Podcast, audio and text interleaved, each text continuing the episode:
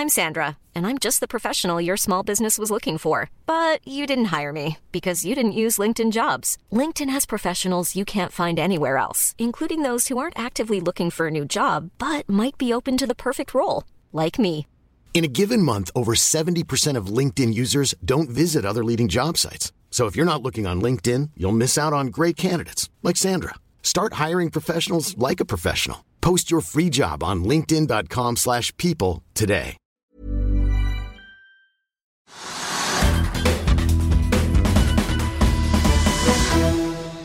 Velkommen til Økonominyhetene tirsdag 26. oktober. Det er en proppfull nyhetsdag i en svært hektisk uke i kvartalssesongen. og Vi skal både høre fra Norsk Hydro og vi skal snakke om luftfart litt senere i sendingen. Men først skal vi ta en titt på markedet og oppsummere de viktigste nyhetene. Hovedindeksen den faller noe tilbake for andre dag på rad i dag og er ned ja, nesten 0,2% til 1213. Oljeprisen er fortsatt solid, og et fat nordsjøolje koster i spotmarkedet nå 86 dollar og 20 cent opp 0,3 i dag. Ellers i Europa er det grønt på de fleste børsene unntatt i København og Helsinki, og det ser ut som vi får en positiv start på Wall Street basert på futuresene der nå. På børsen preges handelen av to grønne aksjer som går hver sin vei i dag. Hvis man ser på listen over de mest omsatte aksjene, Aker Carbon Capture faller tilbake hele 13 i dag etter en kraftig oppgang i går.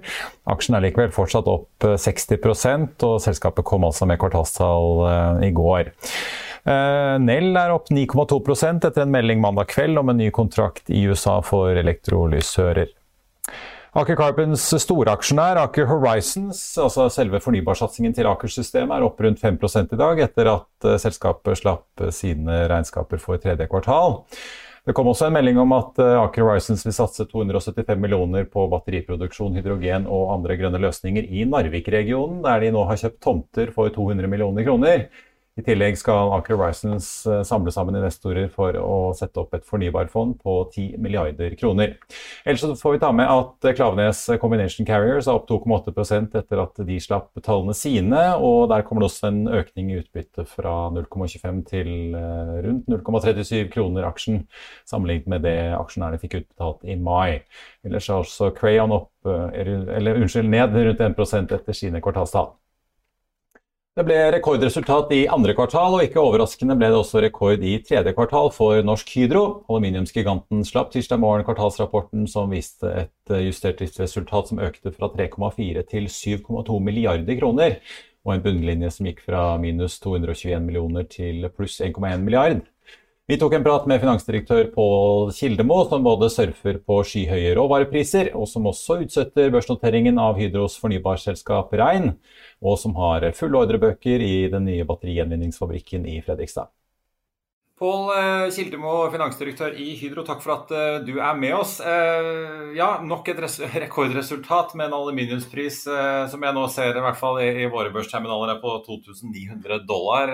Oppover 1000 dollar fra denne tiden i fjor. Nå sier dere jo at dere regner med at aluminiumsmarkedet vil være i underskudd på primæraluminium i år.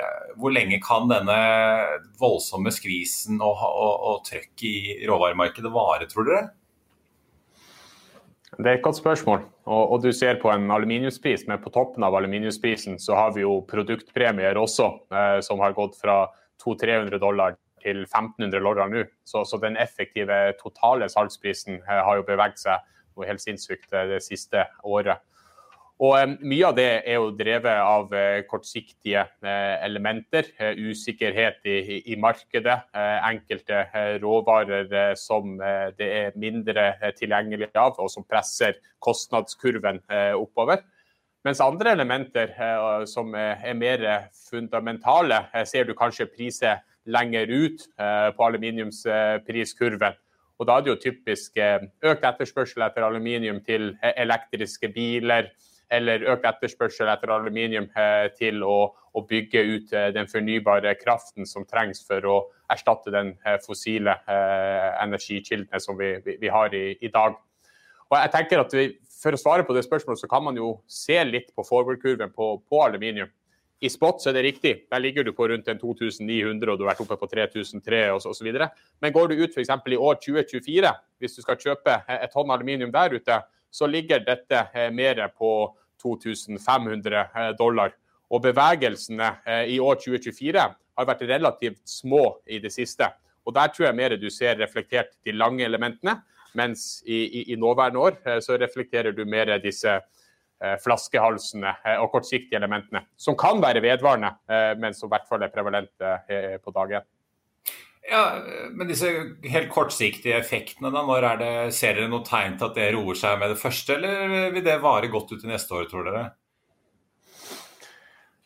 Ja, nå ser det jo ut som at eh, energimarkedene holder seg eh, ganske sterke utenfor Kina. Men vi har jo begynt å se eh, en, en, del eh, elementer som trekker i negativ retning i Kina. Kullprisen er vel ned rundt 30 eh, fra, fra høy, eh, fordi at man har kjørt opp en del kullkraftverk igjen for å passe på at man har nok til å fyre opp og ta vare på befolkninga osv. Um, og, og du ser eh, litt eh, spillover-effekter i det utover. Så allerede har vi jo beveget oss noe ned fra de, de høye nivåene. Men det å, å, svare på hvor går liksom dette eh, skiftet mellom de kortsiktige og de langsiktige eh, driverne, det, det er vanskelig å svare på. Eh, dere er jo en veldig stor aktør i kraftmarkedet. Dere produserer jo veldig mye av den kraften dere bruker. Men eh, vi kan lese i rapporten at med de, den tørre sommeren og lite nedbøren som var, så måtte dere faktisk ut i spotmarkedet for å kjøpe strøm nå. Det kan jo ikke ha vært veldig billig? Nei, det er ikke billig eh, når vi har de, de kraftprisene som vi, vi har nå. Det vi typisk gjør som produsent, er at vi, vi ser på helårsproduksjonen vår og så prøver vi å optimalisere den eh, i, i løpet av året. Og da produserer du typisk mer i vinterhalvåret eh, og mindre i, i sommerhalvåret, eh, gitt prisbildet. Nå har det vært relativt tøft på toppen av dette, som gjør at vi, vi, vi, blir kort. og Det har påvirket energiresultatene. Men så ser vi jo en, en situasjon hvor dette sannsynligvis forbedres inn i Q4 hvis du får normal nedbør. Det som er spesielt interessant kanskje på toppen eh, av kun det at vi måtte kjøpe eh, pris, eh, energi i spotmarkedet til høye priser, er at vi har voldsomme områdeprisforskjeller i Norge nå.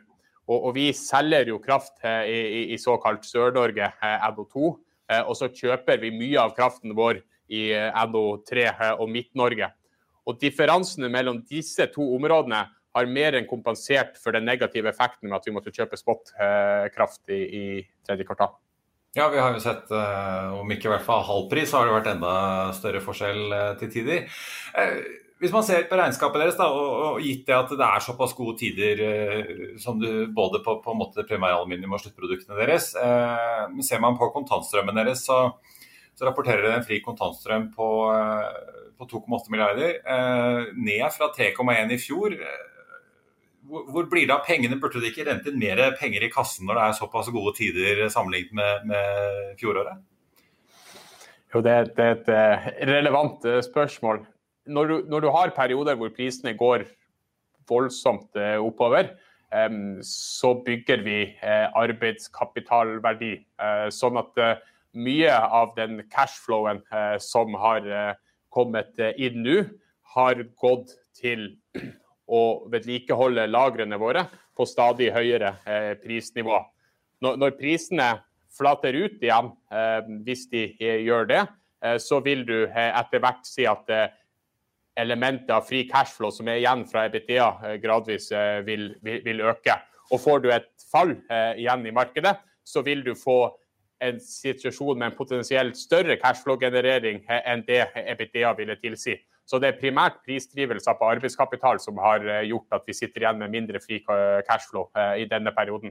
Vi har jo f.eks. Eh, i tillegg mye lavere investeringer enn det som man skulle anta gitt helårsinvesteringsguidingen vår.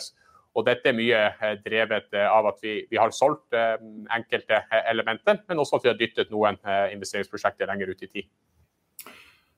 Veldig mange er jo spent på å se hva som skjer med disse nysatsingene deres. En av dem, Hydro, Hydro Rein, som også er dette fornybarselskapet, skulle jo etter planen på børs i år. Eh, rekker dere det?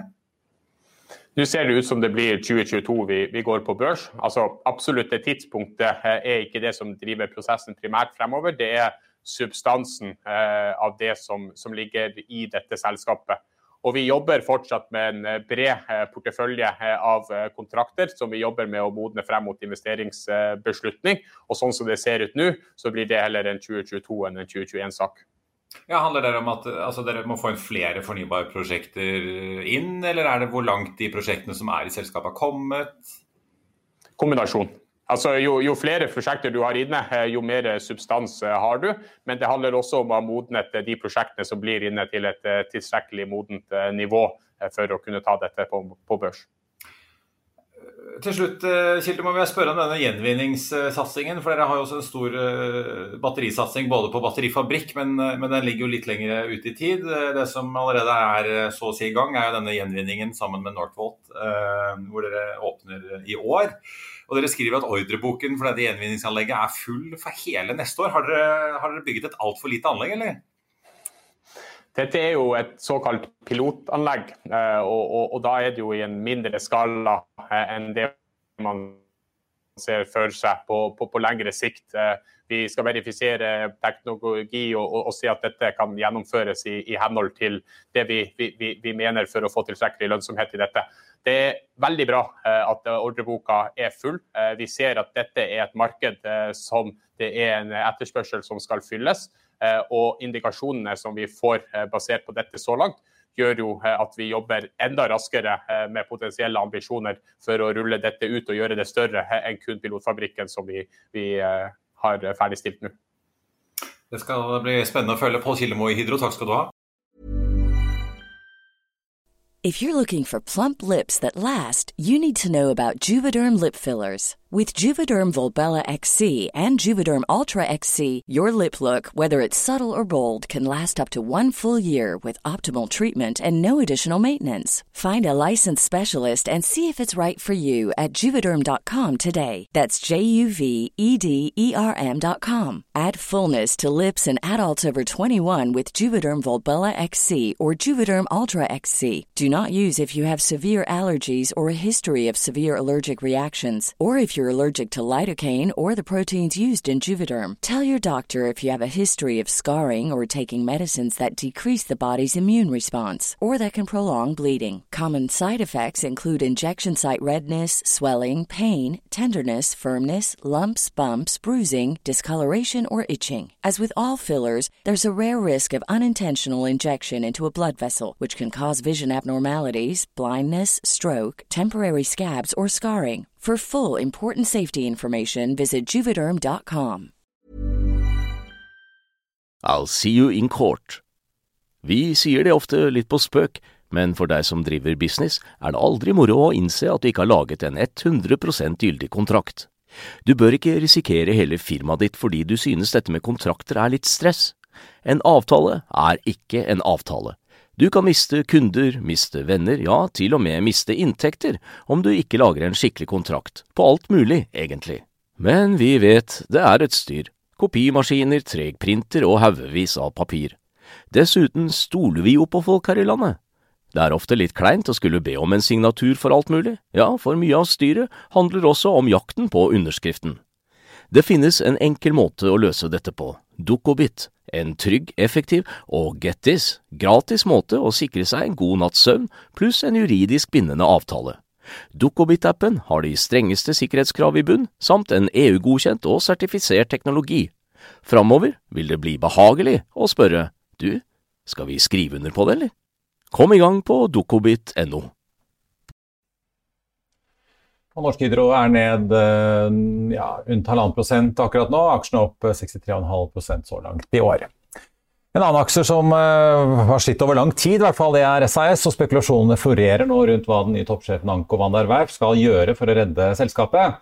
Men det er ikke bare SAS som er i vinden, for de neste ukene slipper flyselskapene tallene sine på rekke og rad, og allerede på torsdag kommer Norwegian med sine. For å varme opp til alt dette har vi fått besøk av deg, flyanalytiker Hans Jørgen Elnes. Velkommen til oss. Velkommen tilbake. Du, eh, skal vi begynne med SAS? Altså, denne aksjen deiset ned 14 i går, var ned 8% på det verste i dag. Nå er den ned rundt 3 så det, panikken har kanskje roet seg litt. Men det er jo et selskap eh, hvor veldig mange lurer på hva som skjer nå. Jeg tror vel at uh, nå denne, denne, artikkelen som den nye sjefen uh, Ankommende Verf hadde i danske Finans, og som kom hos i norske medier her på, på mandag, den uh, vekket mange som trodde kanskje at SAS nå var litt på autopilot. Og plutselig så forsto de at situasjonen er så alvorlig som mange har sagt hele tiden. Han, han, har liksom vært på en slags sånn turné. Han var med, hadde Dagens Næringsliv på slep oppe på Gardermoen. Så har han snakket med den svenske og danske, og så var han med på sendingen her i forrige uke og lovet at det skulle komme en kapitalplan før uh, jul. Uh, hva var det han sa i dette danske intervjuet i helgen som var så på en måte skremmende? Ja, det var jo det at uh, SAS kjemper for å overleve, og at de ikke har noe annet valg enn å gjennomføre enda en, en kostnadsreduksjon, en prosess, effektiviseringsprosess, som, som, da har blitt mye bråk om i, i blant fagforeningene med dette SAS Connect og SAS Link.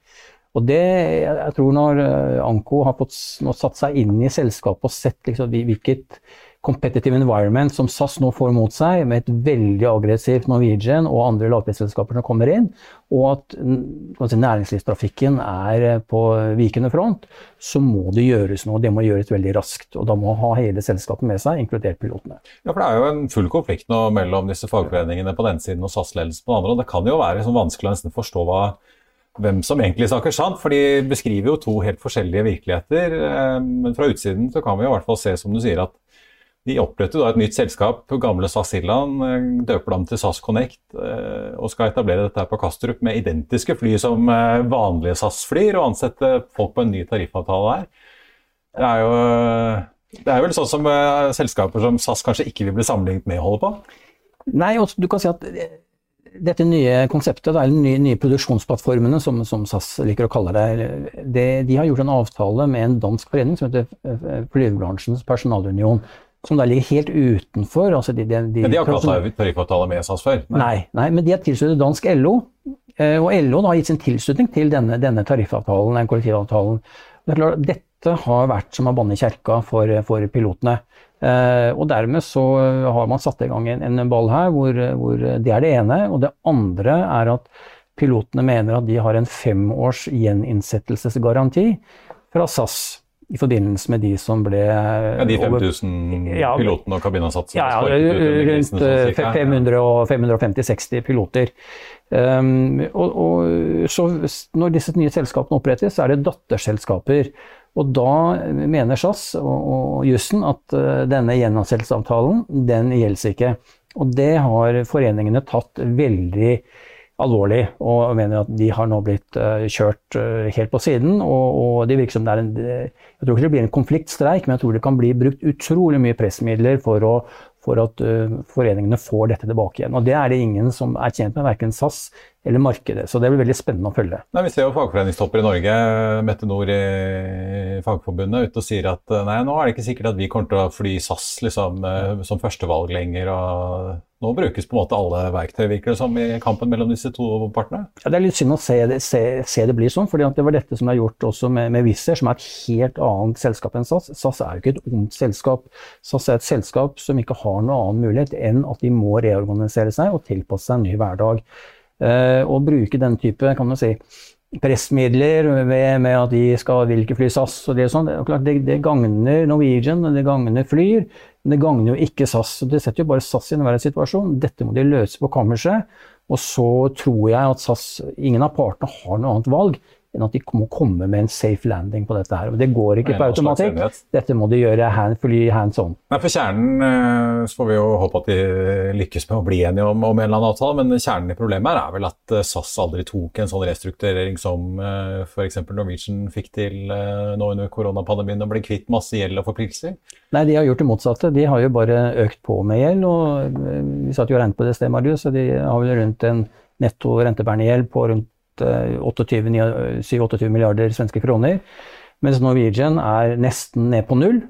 Og det er klart at for SAS så Og Flyr begynte jo med blankark, så de har heller ikke noe ja. gjeld å snakke om. Og, og, og North Atlantic Airways kommer også ut eh, veldig gunstig så, så SAS må gjøre noe med dette her.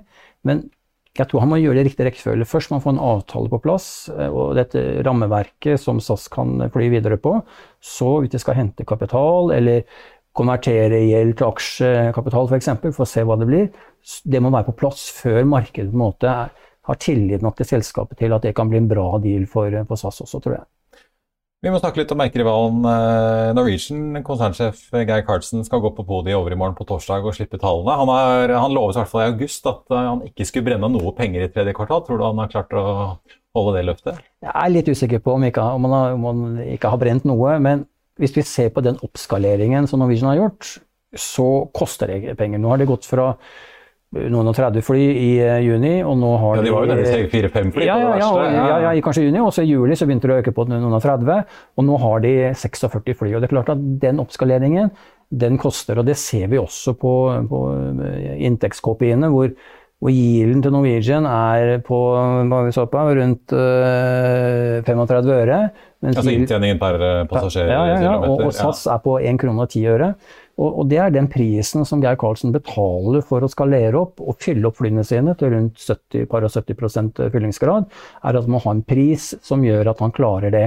Men SAS har valgt en annen metodikk, hvor de prøver å ta ut høyere pris og har lavere fyllingsgrad. Så ja, jeg tror han ja, kan... SAS-flyene er jo ikke mer enn halvfulle, altså de Nei. ligger på så vidt over 50 det er, litt, det er litt skremmende. Det er kanskje den, den, den, den KPI-en som jeg syns er mest utfordrende med SAS nå, det er at de har lav fyllingsgrad. Men, Men Geir Karlsen er vel heller ikke fornøyd med noen og 70? Han liker vel helst å ligge på 80-90 fyllingsgrad eh, til vanlig? Han gjør det, men hvis vi ser på Ryanair og Wizz Air og, og EasyJet, så ligger de også normalt nå en 10-15% under der de skal være. Så markedet er ikke helt i balanse ennå. Men dette koster for Karlsen, og så får vi se. Da. Jeg tror han kan komme inn nøytralt. Mm. Gutter. Jeg tror det blir en, en, en nøytral cashflow på han. Ja, men ikke noe kjempe... Så jeg ser jo i hvert fall Ifølge Bloomberg så venter jo da en omsetning på nesten 2 milliarder kroner i kvartalet, opp fra 1,29 på samme tid i fjor. Så inntektene er i hvert fall ganske mye opp, men det er jo fortsatt ikke noen eh, veldig store Altså det ventes jo fortsatt et underskudd eh, på 100, minus 174 millioner kroner. Hvis vi ser på inntektene, så har Norwegian hatt ca. 1,5 milliarder kroner i, i passasjerinntekter. Eh, så må vi på, legge på 25-30% på det i, eh, i, det vi kaller ancillary, altså alt annet du kjøper, bagasje, fast track og, og sånne ting. Så da kan man komme opp imot det Bloomberg refererte rundt, rundt 2 milliarder, kanskje. Ja. Men eh, marginen er tynne? Marginen er tynne, inntil videre. Ja. Og Hva tror du Norwegian gjør nå? Altså, I august så snakket jo Geir Karlsen om at han ville prøve å gjøre om litt på strukturen med de ansatte. Han ønsket egentlig litt stygt sagt, tabloid sagt, sesongarbeidere. altså Han vil ha færre på jobb på vinteren, flere om sommeren. Dette har jo mange flytopper snakket om eh, i mange år, for eh, vi flyr jo rett og slett mindre om vinteren og mer om sommeren. Hva tror du han kommer til å si nå om vintersesongen? da? Tror du at de holder 46 fly i drift gjennom sesongen? Altså, Norwegian er jo en, en bedre posisjon i sånn scene enn SAS, fordi de, de kan sette flyene på bakken inntil, i hvert fall inntil april neste år, uten at de da betaler leie for det. De betaler kun og leie når flyene er i luften. Ja, Frem til påske? Ja. Frem til påske neste år. Så eh, jeg tror at etterspørselen eh, i vinter, eh, både innenlands og, og, til varmere strøk i Europa, vil være veldig høy. Og Det ser vi også på tallene til Avinor. altså Innenlandstallene har jo, har, er nå bare rundt 15% under hva de var i, i 2019. Mens utenlands nå normalt flater litt ut nå i fjerde kvartal. Og så tror jeg det kommer vel voldsomt tilbake igjen. Så jeg tror Carlsen vil holde rundt 50 fly, holde i lufta ut, ut vintersesongen. Så må vi snakke om disse to uh, nykommerne. da. Det er ikke så veldig mye å si om Norse Atlantic, for de skal ikke begynne å fly før uh, til våren eller sommeren uh, neste år. Men de sitter opp på 150 millioner dollar i cash og, og, har sagt at de skal begynne å fly til Stewart utenfor New York og Ontario, ikke Canada, men Los Angeles. Hva, hva, hva, vil du si om disse rutevalgene? Jeg tror altså, Bjørn Tore Larsen, sjefen i, i Norse, han, han er, tenker litt uortodoks der. Eh, vi har jo sett at det har vært prøvd over flere ganger med lavpris langdistanse. Det har ikke vært noen som har fått det til ordentlig. Eh, nå har Norse mulighet. De har en ekstrem lav kostnadsbase, men den må de gjennomføre i hele si, strategien sin. Derfor så velger de da Stuart f.eks. utenfor New York, som da ikke legger, ligger så veldig mye lenger unna i, sånn, i, transporttid inn til Manhattan enn det andre flyplasser gjør.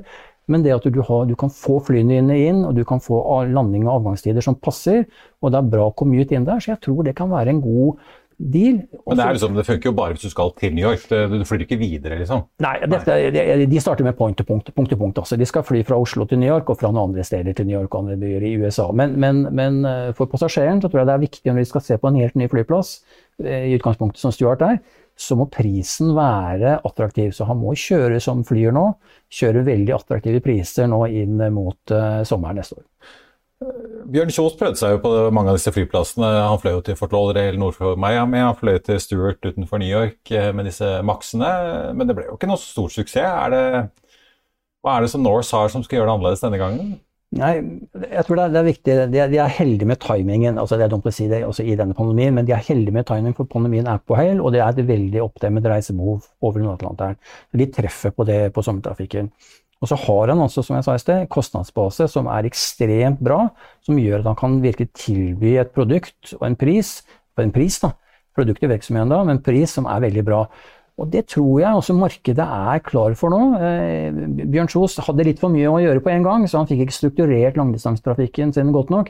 Da skal vi huske på det at de var på vei til å levere i, eh, i 2019 på, på langdistanse Norwegian. Så det hadde ikke pandemien kommet. Ja, hvem vet. Hvem vet. Til slutt må vi snakke om uh, Flyr. Uh, I innboksen min i dag så tikket inn en e-post om at jeg kunne fly rundt i Sør-Norge for 193 kroner. Det er billig! Ja. Altså ikke, ikke, for å drive noe reklame for Flyr, jeg tenker mer på inntjeningen. Den kan jo ikke være stor hvis de driver og selger billetter til 193 kroner. Er det så tøft å på en måte skvise seg inn for å lage litt plass ved siden av SAS og Norwegian? Jeg tror ikke... Altså, Eller er det bare noen få billetter som går for den prisen? Jeg tror vi må si det sånn, Marius, at dette er altså en, en tradisjonell lav, lavkostflyselskapsstrategi hvor de kjører lave billettpriser for å få veldig mye medieattention, og folk plukker opp det eh, for å bygge opp brandet sitt. Så, eh, så, de kan ikke leve av billetter til 190 kroner. Men nå skal vi huske på at flypassasjeravgiften den er jo nå ute av bildet, i hvert fall inn til eh, året er omme.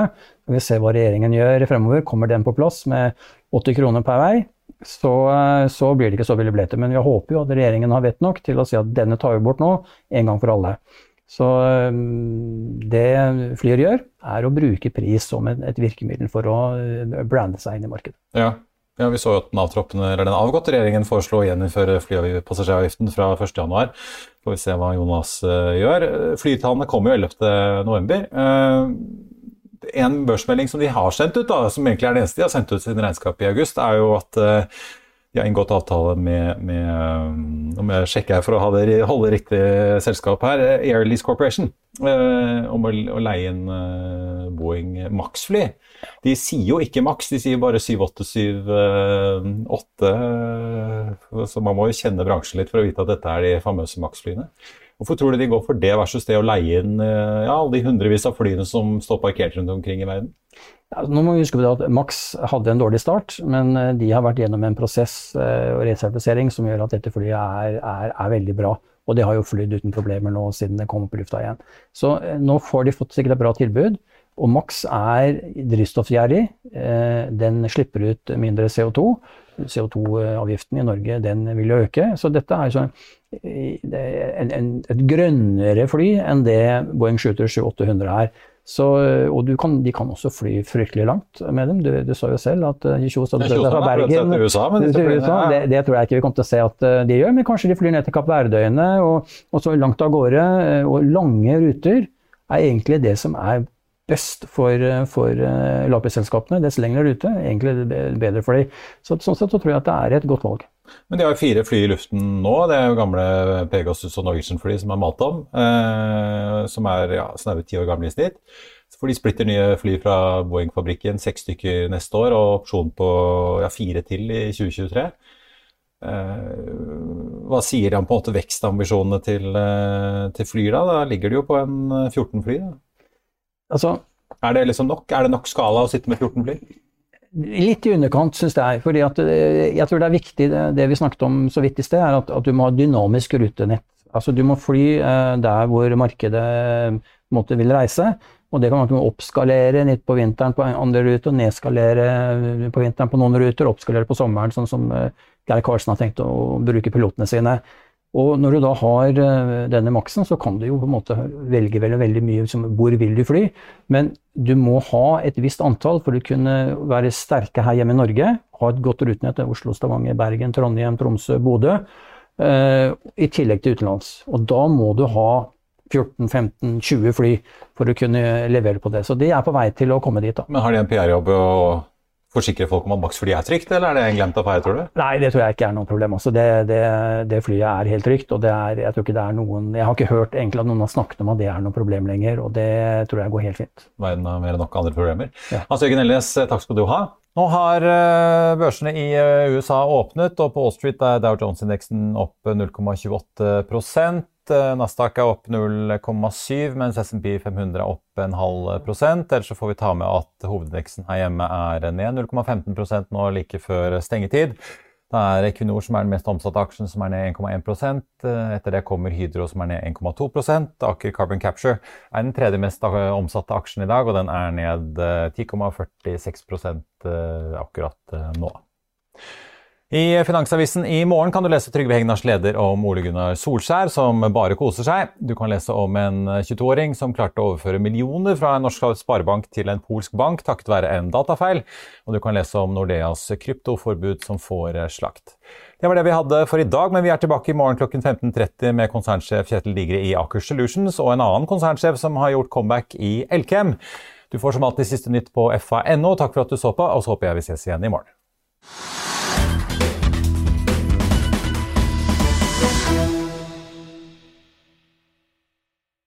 Økonominyhetene er en podkast fra Finansavisen. Programledere er Marius Lorentzen, Stein Ove Haugen og Benedikte Storm Bamvik. Produsenter er Lars Brenden Skram og Bashar Johar. Og ansvarlig redaktør er Trygve Hegnar.